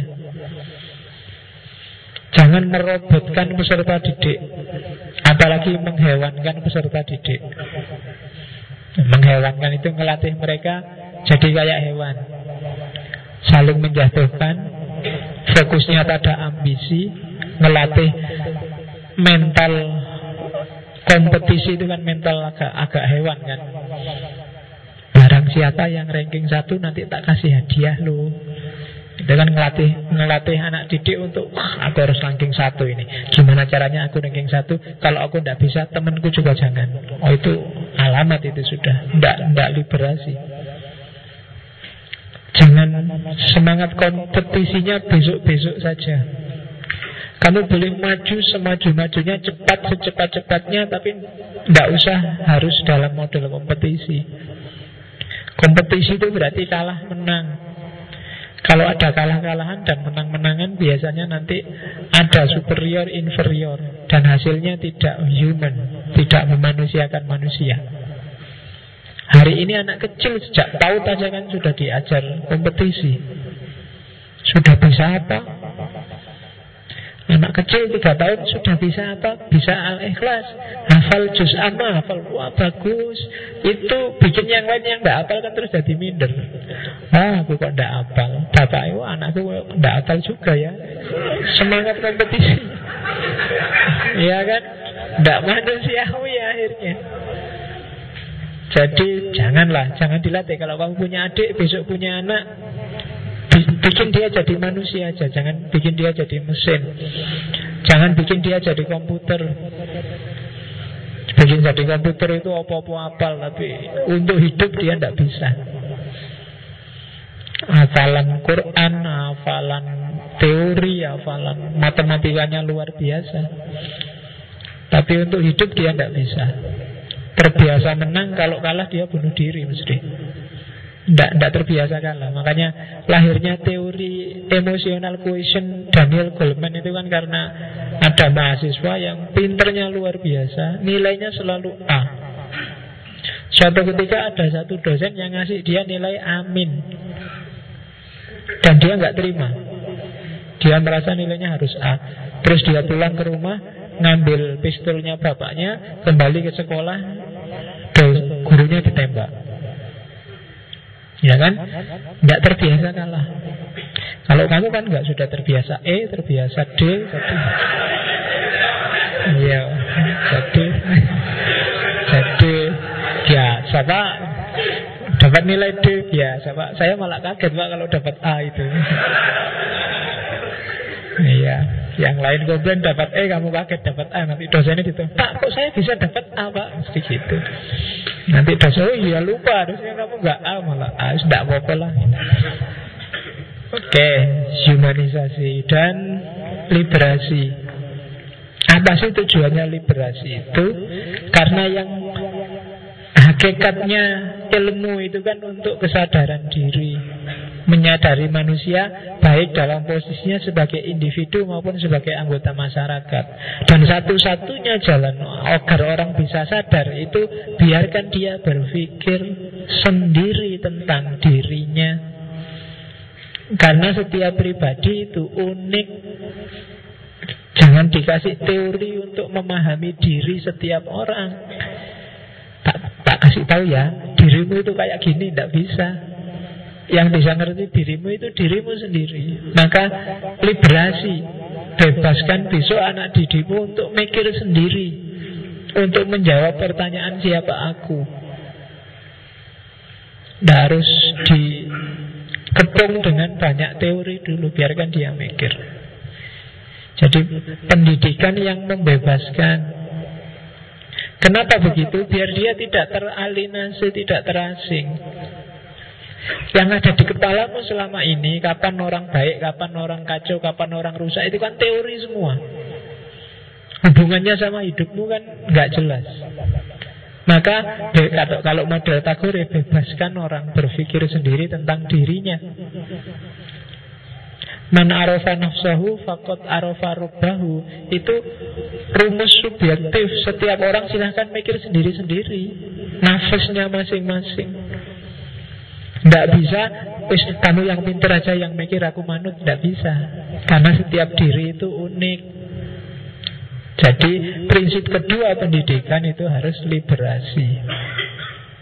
Yang ketiga kalau bisa ilmu apa pun itu konteksnya problem solving. Jangan berhenti di buku. Kamu punya ilmu itu kan senjata untuk hidup secara nyata. Teorimu yang numpuk-numpuk itu harusnya untuk mengatasi problem real kehidupanmu, problem solving. Kita sudah ngaji filsafat mungkin sudah hampir seratusan kali pertemuan. Lah itu gunakan mana yang pas untuk hidupmu pakai aja. Pakailah itu untuk problem solving, menyelesaikan problem-problemmu. Kalau nggak bisa itu alamat sia-sia kamu belajar tiap malam ke sini ngapain? Mending nonton sinetron. Sekarang saatnya stand up comedy. Iya, biasanya nonton TV sekarang enggak. Ya kan, kamu bela-belain ke sini kan kamu ingin dapat sesuatu. Enggak masalah dapat sesuatunya, kalau sudah dapat dipakai enggak? Kalau enggak dipakai mubadir. Dan mubadir itu temannya setan. Ngapain kamu ilmu yang mubadir? Ilmu itu kan besok dituntut pertanggungjawabannya. Kamu dikasih Allah kesempatan ngerti ilmunya tagore kamu pakai buat apa? Kan gitu nanti hisapnya. Enggak Pak, itu dulu iseng-iseng aja Pak. Enggak sengaja pahamnya Pak. Kalau enggak peduli pokoknya kamu dikasih kesempatan ngerti tak goreng Kamu pakai apa. Problem solving. Yo, kalau yang tak goreng kan jelas problem solvingnya apa. Nanti ilmu dari dia kamu pakai apa sebenarnya medannya jelas. Tinggal kamu mau apa enggak pakai atau lupa apa enggak atau sengaja lupa apa enggak itu. Terus jalan pencerahan. Pendidikan harus jadi media pencerahan. Pencerahan itu saya sering pakai istilah bikin orang meletik. Ada momen wow, momen eureka, momen kayak Buddha di bawah pohon bodhi. Kita ngaji sepanjang ini kan Coba dari pikirannya para filsuf kemarin-kemarin Siapa tahu ada yang tiba-tiba membuka mata kita. Wah iya ternyata. Itu loh. Itu pencerahan namanya. Ada kesadaran yang tiba-tiba muncul. Kayak saya tadi cerita di awal. Sebenarnya anjang-anjangku mau ke barat Tapi tiba-tiba kok baca syairnya Joyoboyo Terinspirasi di situ terus Udah kita para pujangga aja deh dulu. Nah itu namanya ada momen wow Ada momen pencerahan Nah, cari ini step by step langkahmu nyari ilmu. Ya nanti mungkin nggak disengaja, mungkin dari dosen yang paling kamu benci tiba-tiba kamu dapat pencerahan mungkin bisa. Saking bencinya kamu kurang ajar Awas besok tak bantah di kelas. Nah, Terus kamu baca-baca dan tercerahkanlah kamu. Gara-gara dosen itu kamu mau baca buku. Biasanya nggak mau. Nah itu kan Jadi kita nggak tahu jalannya. Tapi pendidikan harus membuka jalan bagi pencerahan. Terus Kepribadian. Jadi gimana pendidikan itu mengupgrade kapasitas etik dan etiketmu. Kapasitas moral dan estetikmu mengupgrade kepribadian. Tidak boleh pendidikan itu hanya sifatnya informatif. Numpuk pengetahuan baru. Tidak ada gunanya. Dia harus punya imbas kepribadianmu semakin luar biasa. Itu yang sebenarnya in, apa nyambung dengan ayat yang bilang yarfa'illahul ladzina amanu minkum waladina utul ilma darajat. Kenapa sih orang yang ilmunya tinggi itu derajatnya juga tinggi karena harusnya implikasi dari ketinggian ilmu itu juga kualitas kepribadiannya meningkat. Dan orang yang kualitas kepribadiannya meningkat itu juga derajatnya tinggi di masyarakat. Jadi saya bilang tadi ya intinya di etika dan etiket. Etika itu sikap batinnya, etiket itu sikap fisiknya. Etika itu menghargai orang tua, etiket itu cium tangannya. Dan itu harus di-upgrade kapasitasnya, itu pengembangan kepribadian namanya. Cara Makan yang benar itu etiket. Cara minum yang benar itu etiket. Minum yang benar Jangan pakai tangan kiri Tapi pakai tangan kanan Itu etiket. Contohnya.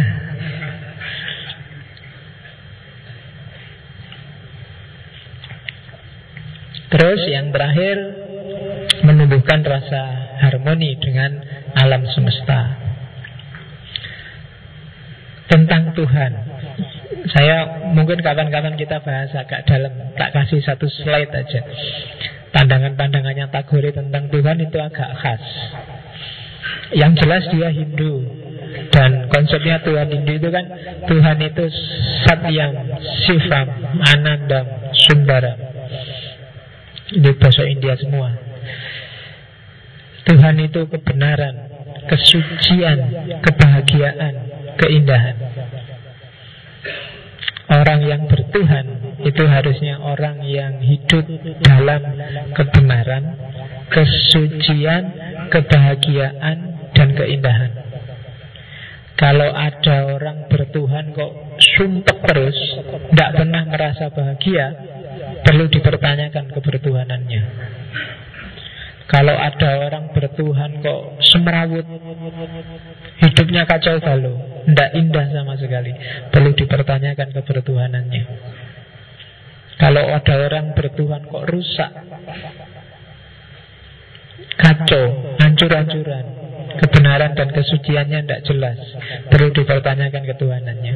Bertuhan secara benar Berarti dia hidup dalam kebenaran, kesucian, kebahagiaan, dan keindahan. Yang kedua, Tagore mirip Ghazali. Bagi dia, meskipun alam semesta ini manifestasinya Tuhan, Tuhan ada di mana-mana, tapi Tuhan itu memang lebih enak ada sosoknya yang tersendiri. Bukan kayak hantu yang gaib yang ada di mana-mana, tapi dia ada Tuhannya. Kalau ada sosoknya tersendiri kan kita bisa ngobrol, kita bisa komunikasi, bisa berakrab ria. Kita bisa gimana nih Tuhan Katanya maha penyayang Saya kok susah terus ini nah, Enak diajak ngobrol Tapi Tuhan kayak sufi yang Wahdatul wujud itu kan tidak bisa Tuhannya ada di dalam Ngobrolnya gimana ini? Ngobrol sama Tuhan. Lah saya sendiri Tuhan. Nah, nah, Kalau Tagore Enggak. Tuhan itu enak. Meskipun dia Tidak metafisikal seperti rumit, rumit seperti dijelaskan para filosof Enak ada sosoknya Bisa diajak ngobrol Bisa diajak komunikasi Bisa jadi friend, bisa kita datangkan, bisa kan gitu. Kalau para sufi yang wahdatul wujud kan tidak bisa. Ya teh ini Tuhan yang susah. Ya laptop ini ada Tuhannya. Ya diri kita ada Tuhannya. Ah, enak. Gimana cara ngajak ngobrolnya? Gimana kita bisa akrab, kita bisa berkomunikasi, bisa berdialog, bisa mengeluh, bisa berdoa, kan gitu. Untuk bisa kita berdoa, mengeluh, kemudian minta sesuatu, ngobrol, curhat, itu enaknya ada sosoknya tersendiri. Justru dari situlah sebenarnya gagasan ketuhanan itu muncul, katanya Tagore. Kalau Tuhan sangat abstrak, sangat metafisik, susah kita menangkap keberadaan Tuhan. Anggap aja memang ada Tuhan yang sosoknya tersendiri Yang dialah yang mengabulkan semua permintaan kita Yang maha mendengar jadi siap kita curhati anytime. Yang maha melihat jadi kita hidupnya hati-hati Dia lihat kita terus lebih enak. Kalau kamu sumpah dengan bilang Ya Tuhan Masa tidak bisa? Katanya maha kuasa Mbok saya dibikin seneng dikit lah Gimana kayak caranya? Enak toh Bisa diajak ngobrol. Nah iya. Katanya maha penyayang. Mbok saya dikasih pacar lah. Satu aja tidak apa-apa. Buat latihan lah Biar tahu rasanya. Oh, Tega sekali. Yang lain punya pacar Saya nggak dikasih-kasih. Ya kan enak tuh ajak ngobrol. Jangan sentimen dong. Mentang-mentang. Ah gitu enak. Ya mentang-mentang saya sholatnya nggak terlalu khusyuk. Nggak apa-apa tuh. Kan nggak butuh sholat saya Kan nggak penting. Saya nggak sholat juga nggak ngaruh tuh bagi jenengan. Ya kasihlah apalah gitu Enak tuh Kalau akrab sama Tuhan kan enak. Bisa diajak ngobrol. Bisa kamu bawa ke mana-mana. Dan Tuhan kan selalu siap mendengar curhatan kita. Dan dia tidak banyak komen Tidak banyak ngasih nasihat. Kamu jalan sendiri aja. Oke, tenang aja. Kan gitu. Iya. Oke. Dan nggak banyak ngasih jempol juga nggak banyak ngasih aneh kan jadi tenang aja. Tuhan yang mempribadi. Nah itu khas gayanya Tagore justru peran Tuhan bagi manusia di situ. Kalau terlalu jelimet, terlalu abstrak, terlalu dalam Malah kontradiksi dengan tujuan kita bikin Tuhan Kalau katanya Tagore Kalau kita sendiri Tuhan Itu kan bingung. Kayak ada ceritanya Siti Jenar itu kan Waktu dijemput mau ke Demak. Siti Jenar dipanggil Sultan Ke keraton. Siti Jenar nggak ada. Yang ada hanya Allah. Kembalilah utusannya terus bilang ke katanya Sunan Kalijogo ya sudah Gusti Allah dipanggil ke keraton ya. Itu kembali lagi. Gusti Allah dipanggil ke keraton. Loh, Gusti Allah yang tidak ada Di sini adanya saya Siti Jenar. Balik lagi ya, Katanya. Ya sudah, Gusti Allah dan saya Siti Jenar Dipanggil ke keraton. Itu, iya kan ceritanya saya Siti Jenar kan begitu. Jadi Allahnya nyampur agak susah. Itu kan nanti kayak Al-Halat yang bilang tiba-tiba Subhani Maha Suci aku. Menurut saya ya filosofis mendalam. Cuma dari perspektifnya Tagore Tidak enak kalau Subhani. Enak Subhanaka. Engkau Maha Suci Tuhan. Sip. Nah, ada, ada, ada aspek komunikasinya. Kalau jadi satu tidak enak. Anak al-haq, akulah yang hak. Itu kan tidak enak. Tapi engkau lah yang maha sejati. Yang gitu. Oke. Kalau Tuhan kan biasanya dalam hidup kan sering kita kambing hitam kan kan? Loh ini kan takdirnya Tuhan saya gini ini ya. Jadi kambing hitam kita. Kalau Tuhan jadi satu tidak bisa kamu mengenak. Loh Tuhannya kan kamu sendiri berarti. Sama aja kamu yang ngatur kan gitu. Jadi Tuhan yang mempribadi Itu bagi Bagi Guru lebih kondusif. Oke Sekarang kita lihat Pecahan-pecahan pikirannya ya Saya ada beberapa Banyak sekali puisinya. Manakah? Di bawah. Kacamata. Kita lihat ya Ini potongan-potongan puisi. Yang menurut saya maknanya dalam kayak Jonggo Joyoboyo tadi. Aku tidur lelap dan bermimpi bahwa hidup adalah kegembiraan aku terbangun dan mendapati bahwa hidup adalah pengabdian. Aku pun bekerja dan kini bersaksi bahwa pengabdian itulah kegembiraan. Oh, ini dalam ini, kamu pikir sendiri ya. Jadi kamu kan hidup ingin gembira Sementara kamu dituntut untuk bekerja Untuk mengabdi Tapi katanya Tagore dia mau bilang Gak usah khawatir. Begitu kamu bekerja dan mengabdi Kamu akan dapat kegembiraan. Itu dua hal yang tidak bertentangan sebenarnya. Oke Ada lagi.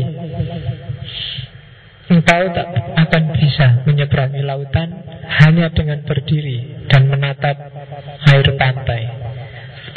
Ya, ini bagi mereka yang punya cita-cita, bagi mereka yang punya keinginan, jangan harap cita-citamu terwujud kalau kamu diem saja. Kalau kamu hanya menatap air pantai, kamu nggak akan bisa menyeberangi lautan. Ya mungkin seumuran kalian sudah saatnya punya target. Mungkin sudah punya. Cuma target itu tidak akan ada artinya apa-apa kalau perjuangannya nggak dimulai sekarang. Yang ingin jadi dosen ya harus mulai sekarang latihan melakukan sesuatu sebagai persiapan siapa tahu besok jadi dosen beneran yang ingin punya istri cantik Ya berjuang nyari mulai sekarang Loh iya Kalau kamu nyarinya besok mesti seanane Tapi Kalau sekarang bisa milih-milih. Jadi Kalau kamu diem aja Mana bisa? Emangnya ada Cewek yang tiba-tiba mendatangi kamu Mas tembaklah aku kan nggak ada. Kamu harus inisiatif Nembak dulu. Ya, ya mungkin bagi yang putri-putri besok kalau ada yang ditaksir kirim aja WA puisi ini. Engkau tak akan bisa menyeberangi lautan. Hanya dengan berdiri dan menatap air pantai. Kalau cuma dilirik dan ditatap ya ndak iso. Yo diseberangilah lautannya. Oke. Okay. Ya kan maunya ke situ. Kalau kamu diem aja ya kapan nyampe nya? Nanti didului temannya marah-marah.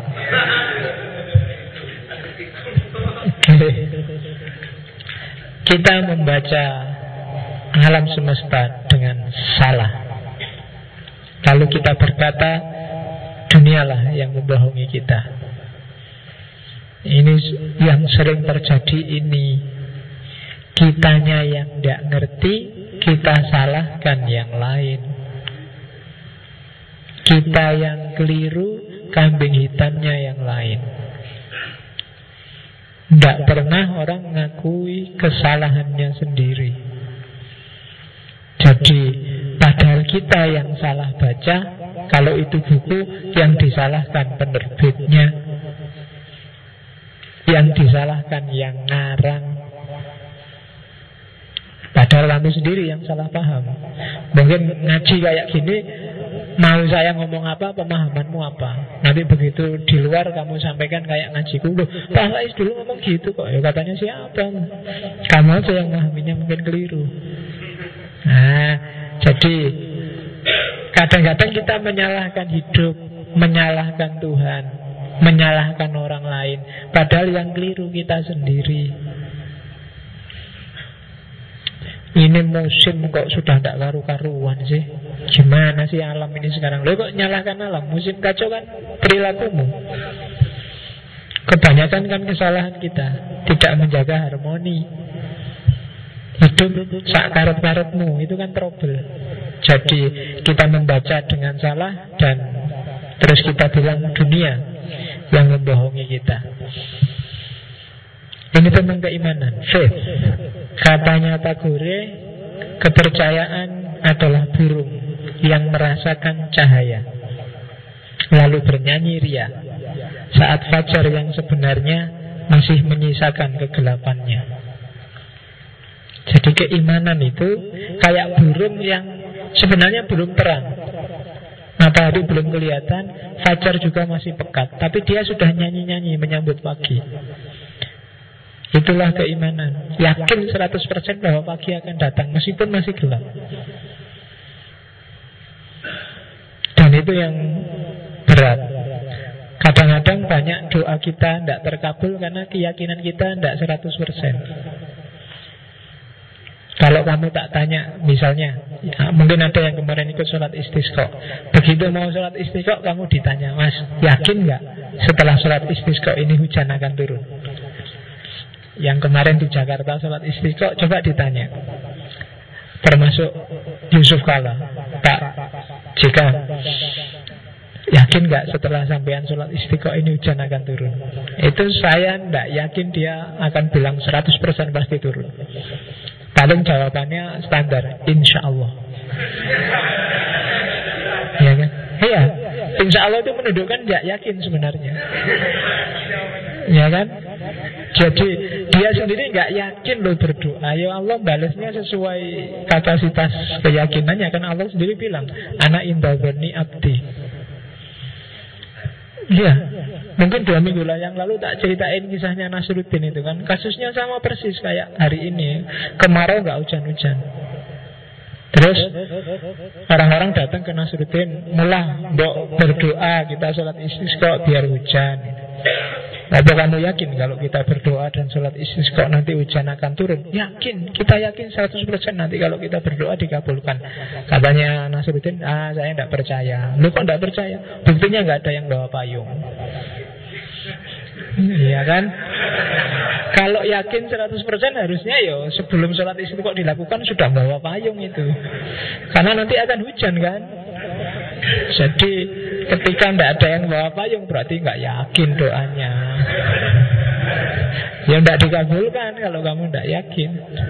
Jadi berarti tidak kayak burung tadi, faith. Ya kan? Makanya percayalah 100% Kalau dalam agama itu kan ada Ada iman, ada wan, ada syak, ada waham Iman itu yang 100% yakin Kalau wan itu yakinnya lebih banyak daripada nggak yakinnya. Kalau waham tidak yakinnya lebih besar daripada yakinnya.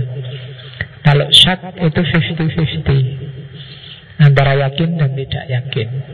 Iman itu dituntut 100% Cuma iman kita kadang nambah kadang kurang. Itu yang bikin doa pun juga gitu. Kadang-kadang kita doa kan tidak ngerti mau minta apa Pokoknya bahasa Arab diwoco Terus yang belakang amin ya sudah. Zaman saya dulu pernah Dungo ngawur itu pernah zaman Alia Suruh imam terawih Tiba-tiba harus baca doa Setelah terawih Sebelum witir. Waduh Tidak akal ya pokoknya gremeng-gremeng Wah ruku ana amin Wah sujud ana amin Wah takhusuan. Tapi padahal lagi imamin dungo ngawur Yang belakang aminnya kenceng Kadang-kadang kan gitu. Yang belakang juga tidak ngerti kok imamnya minta apa. Ya kan? Oke Jadi Keimanan. Kenapa doamu nggak dikabulkan? Karena kamu tidak kayak burung tadi. Kepercayaanmu tidak full Tidak 100% Ya Allah berikanlah aku istri yang cantik. Tapi kan dalam batinmu Apa ya? Ada yang mau ya sama saya? Ya kan kamu berdoa ya Allah semoga saya kuliahnya ini sukses Segera lulus. Tapi kamu sendiri kan nggak yakin. Bisa nggak ya saya segera lulus itu? Yang nilaiku masih kayak gitu Apa ya bisa sukses ya? Kamu sendiri nggak yakin kok. Mintanya. Jadi ya Allah yang ngasih sejauh Di mana kamu yakin. Ana indah doni abdi Aku sejauh anggapan hambaku padaku kalau dia nggak yakin ya, kalau yakinnya setengah ya Allah ngasihnya setengah. Jadi kepercayaan adalah burung yang hanya dia merasakan cahaya tapi terus nyanyi. Sebentar lagi pasti pagi. Terus aku adalah seorang optimis. Kalau tak bisa melewati satu pintu, aku akan mencari pintu yang lain. Atau akan kubuat pintu baru. Sesuatu yang luar biasa akan tiba. Tak peduli segelap apa pun masa. Jadi ini puisi Jangan khawatir sekacau apa pun negaramu. Ini hubungannya sama negara.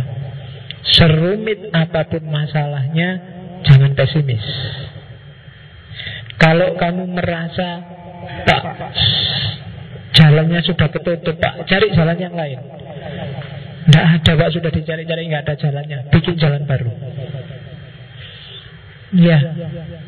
Kalau tak bisa melewati satu pintu, akan ku cari pintu yang lain. Tapi kalau masih nggak bisa, akan ku buat pintu baru. Tidak ada yang tidak mungkin. Segelap apa pun situasinya, sesuatu yang luar biasa pasti akan terjadi. Ah, ini optimisme perjuangan.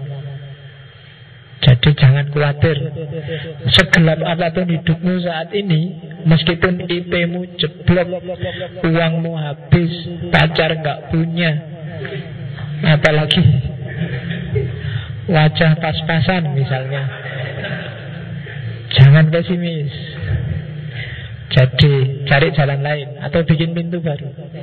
Semua orang anggap kamu jelek Tidak usah, usah khawatir. Bikin pintu baru Sebut aja ini bukan wajah jelek Wajah alternatif. Oh, Itu kan bisa sekarang kan ada yang ini bukan jelek pak, ini eksotis pak. Nah itu boleh. Pokoknya pakailah istilah apa, ndak apa-apa lah. Yang penting tetap pesimis. Sekarang kan orang sering menyebut gitu, wajahnya eksotis sekali. Itu sebenarnya nama lain dari jelek. Jadi jangan khawatir, selalu ada jalan keluar.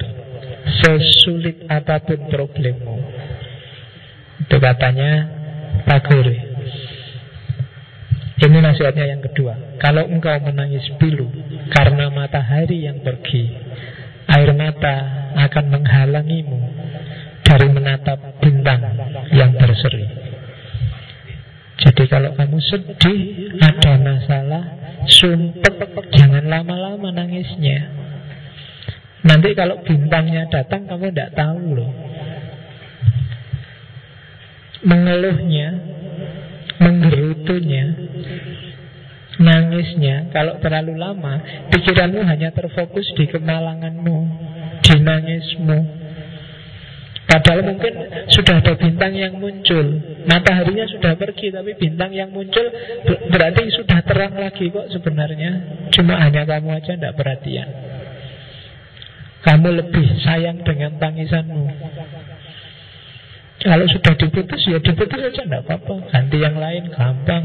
Yang lain sudah datang Kamu cuekin karena kamu masih sibuk mikir yang lama. Yang sudah pergi. Ya kan? Jadi air matamu yang akan menghalangimu Dari melihat bintang yang datang Bintang baru. Ya kan? Jadi Jangan lama-lama kalau nangis Jangan lama-lama kalau sedih Jangan lama-lama kalau menggerutu. Kasih space Bahkan sakit pun jangan lama-lama Kasih batas. Nah kalau kalian sedang sedih Oke okay, sedih Tak kasih batas dua hari ya. Setelah dua hari selesai. Nah itu enak kan gitu. Kamu target dirimu sendiri. Jadi dalam waktu dua hari ini Nangis tak kapoin Tidak apa-apa. Ngentek ke bantal rapopo pokoknya bebaskan dirimu untuk sedih. Dua hari saja. Setelah dua hari kembali ke asal. Nah itu bagus. Jangan jangan cengeng terus terusan nangis terus terusan sumpah terus terusan nikmatilah rasa sedihmu tapi jangan terus terusan ada saatnya kamu bangkit syukur-syukur bisa cepat karena kalau tidak anugerah yang datang akan kamu lewatkan karena kamu lebih sibuk mikir kesedihanmu Terus ini yang agak khas menurut saya unik. Pemikiran yang melulu logika seperti pisau yang melulu logam saja. Dia akan membuat berdarah tangan yang memegangnya. Ini sangat khas filsafat timur. Logika penting, berpikir rasional bagus. Tapi tidak semua hal dalam hidup butuh logika. Butuh yang rasional-rasional. Kalau kamu rasional kan semua, nanti yang terluka kamu sendiri. Yang akan kecewa kamu sendiri. Banyak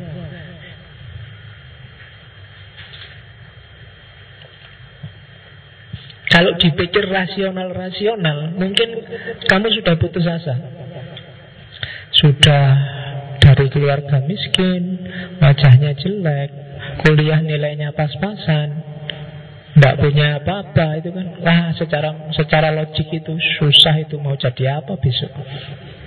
Iya kan? Kamu sendiri yang terluka kalau hanya pakai logika. Kok saya ini bodoh ya Pak?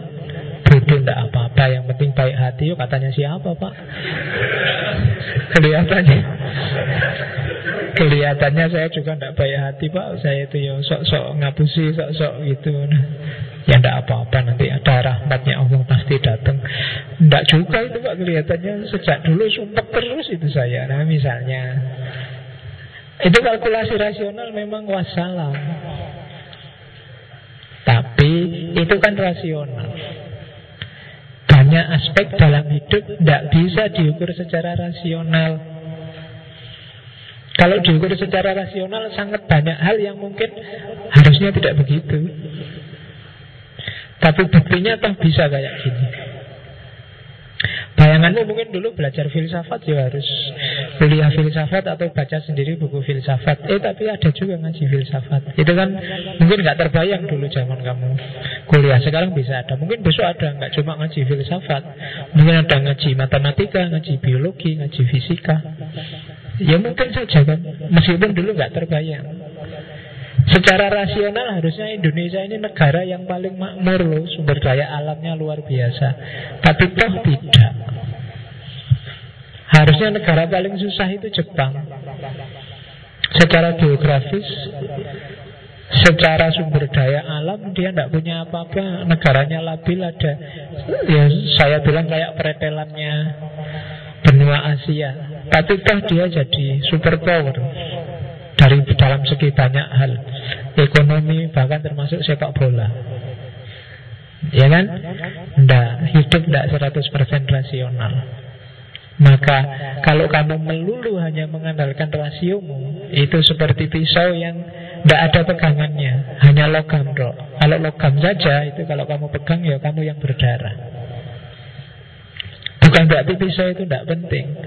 Tapi selain bagian tajamnya Bagian tajam itu kan analoginya pemikiran. Harus ada bagian tumpulnya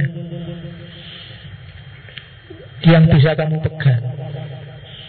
Dan itu Kalau kamu tarik semakin dalam Yang bisa dipegang dalam hidup itu kan namanya Kepercayaan Belief Agama.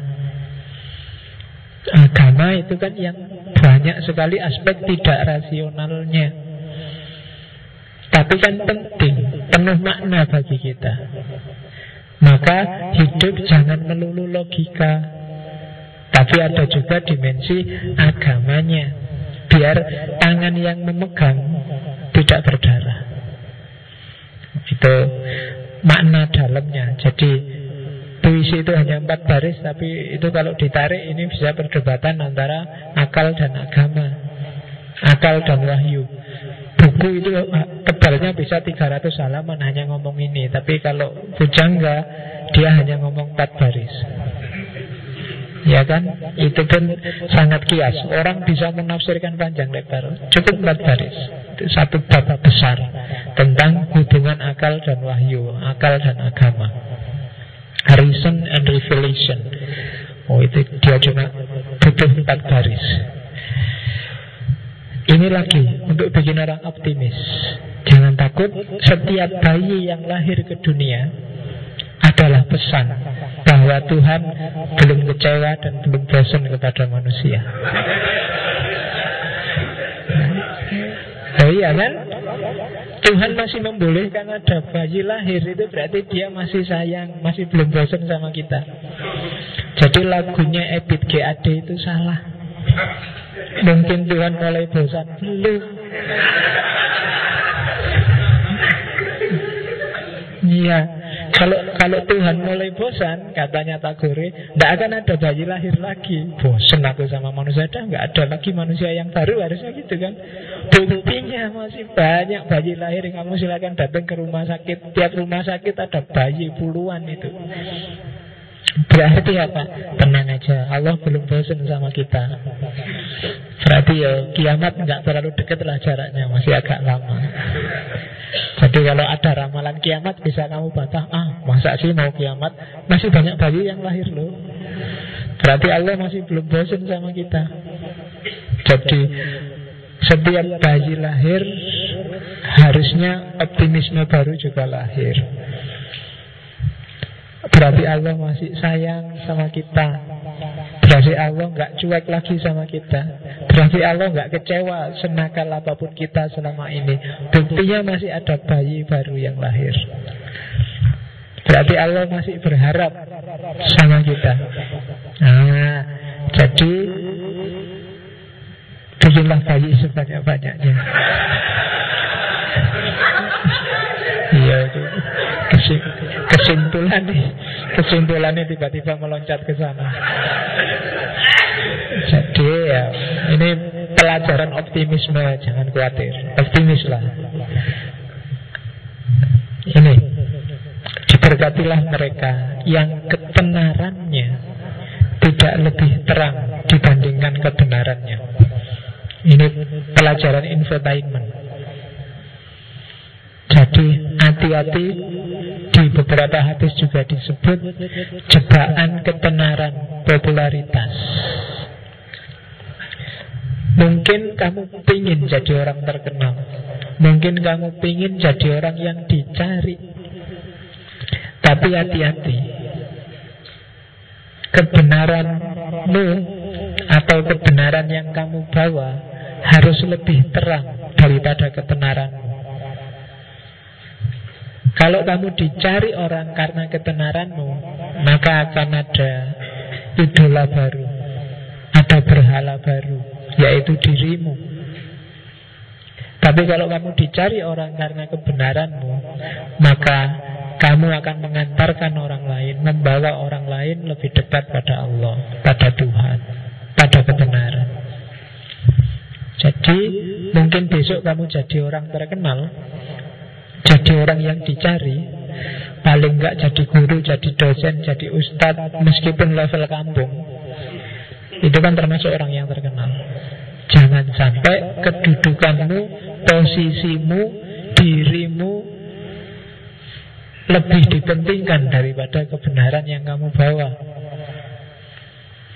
Jadi kalau kayak gitu kamu jadi idola, kamu jadi berhala. Idol itu kan berhala kalau bahasa Inggrisnya.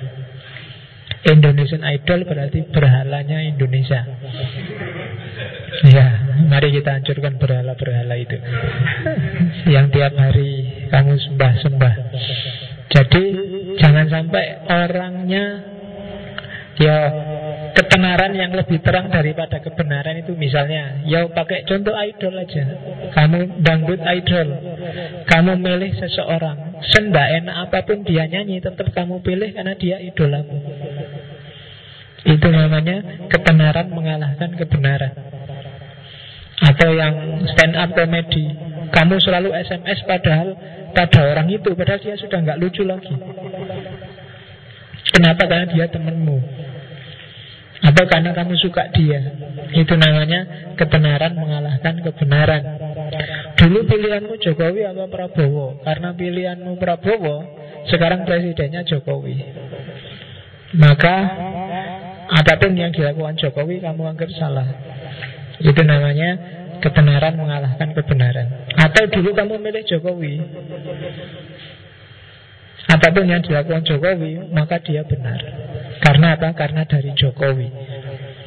Bukan karena kebenarannya. Maka berarti popularitas lebih terang Daripada kebenaran.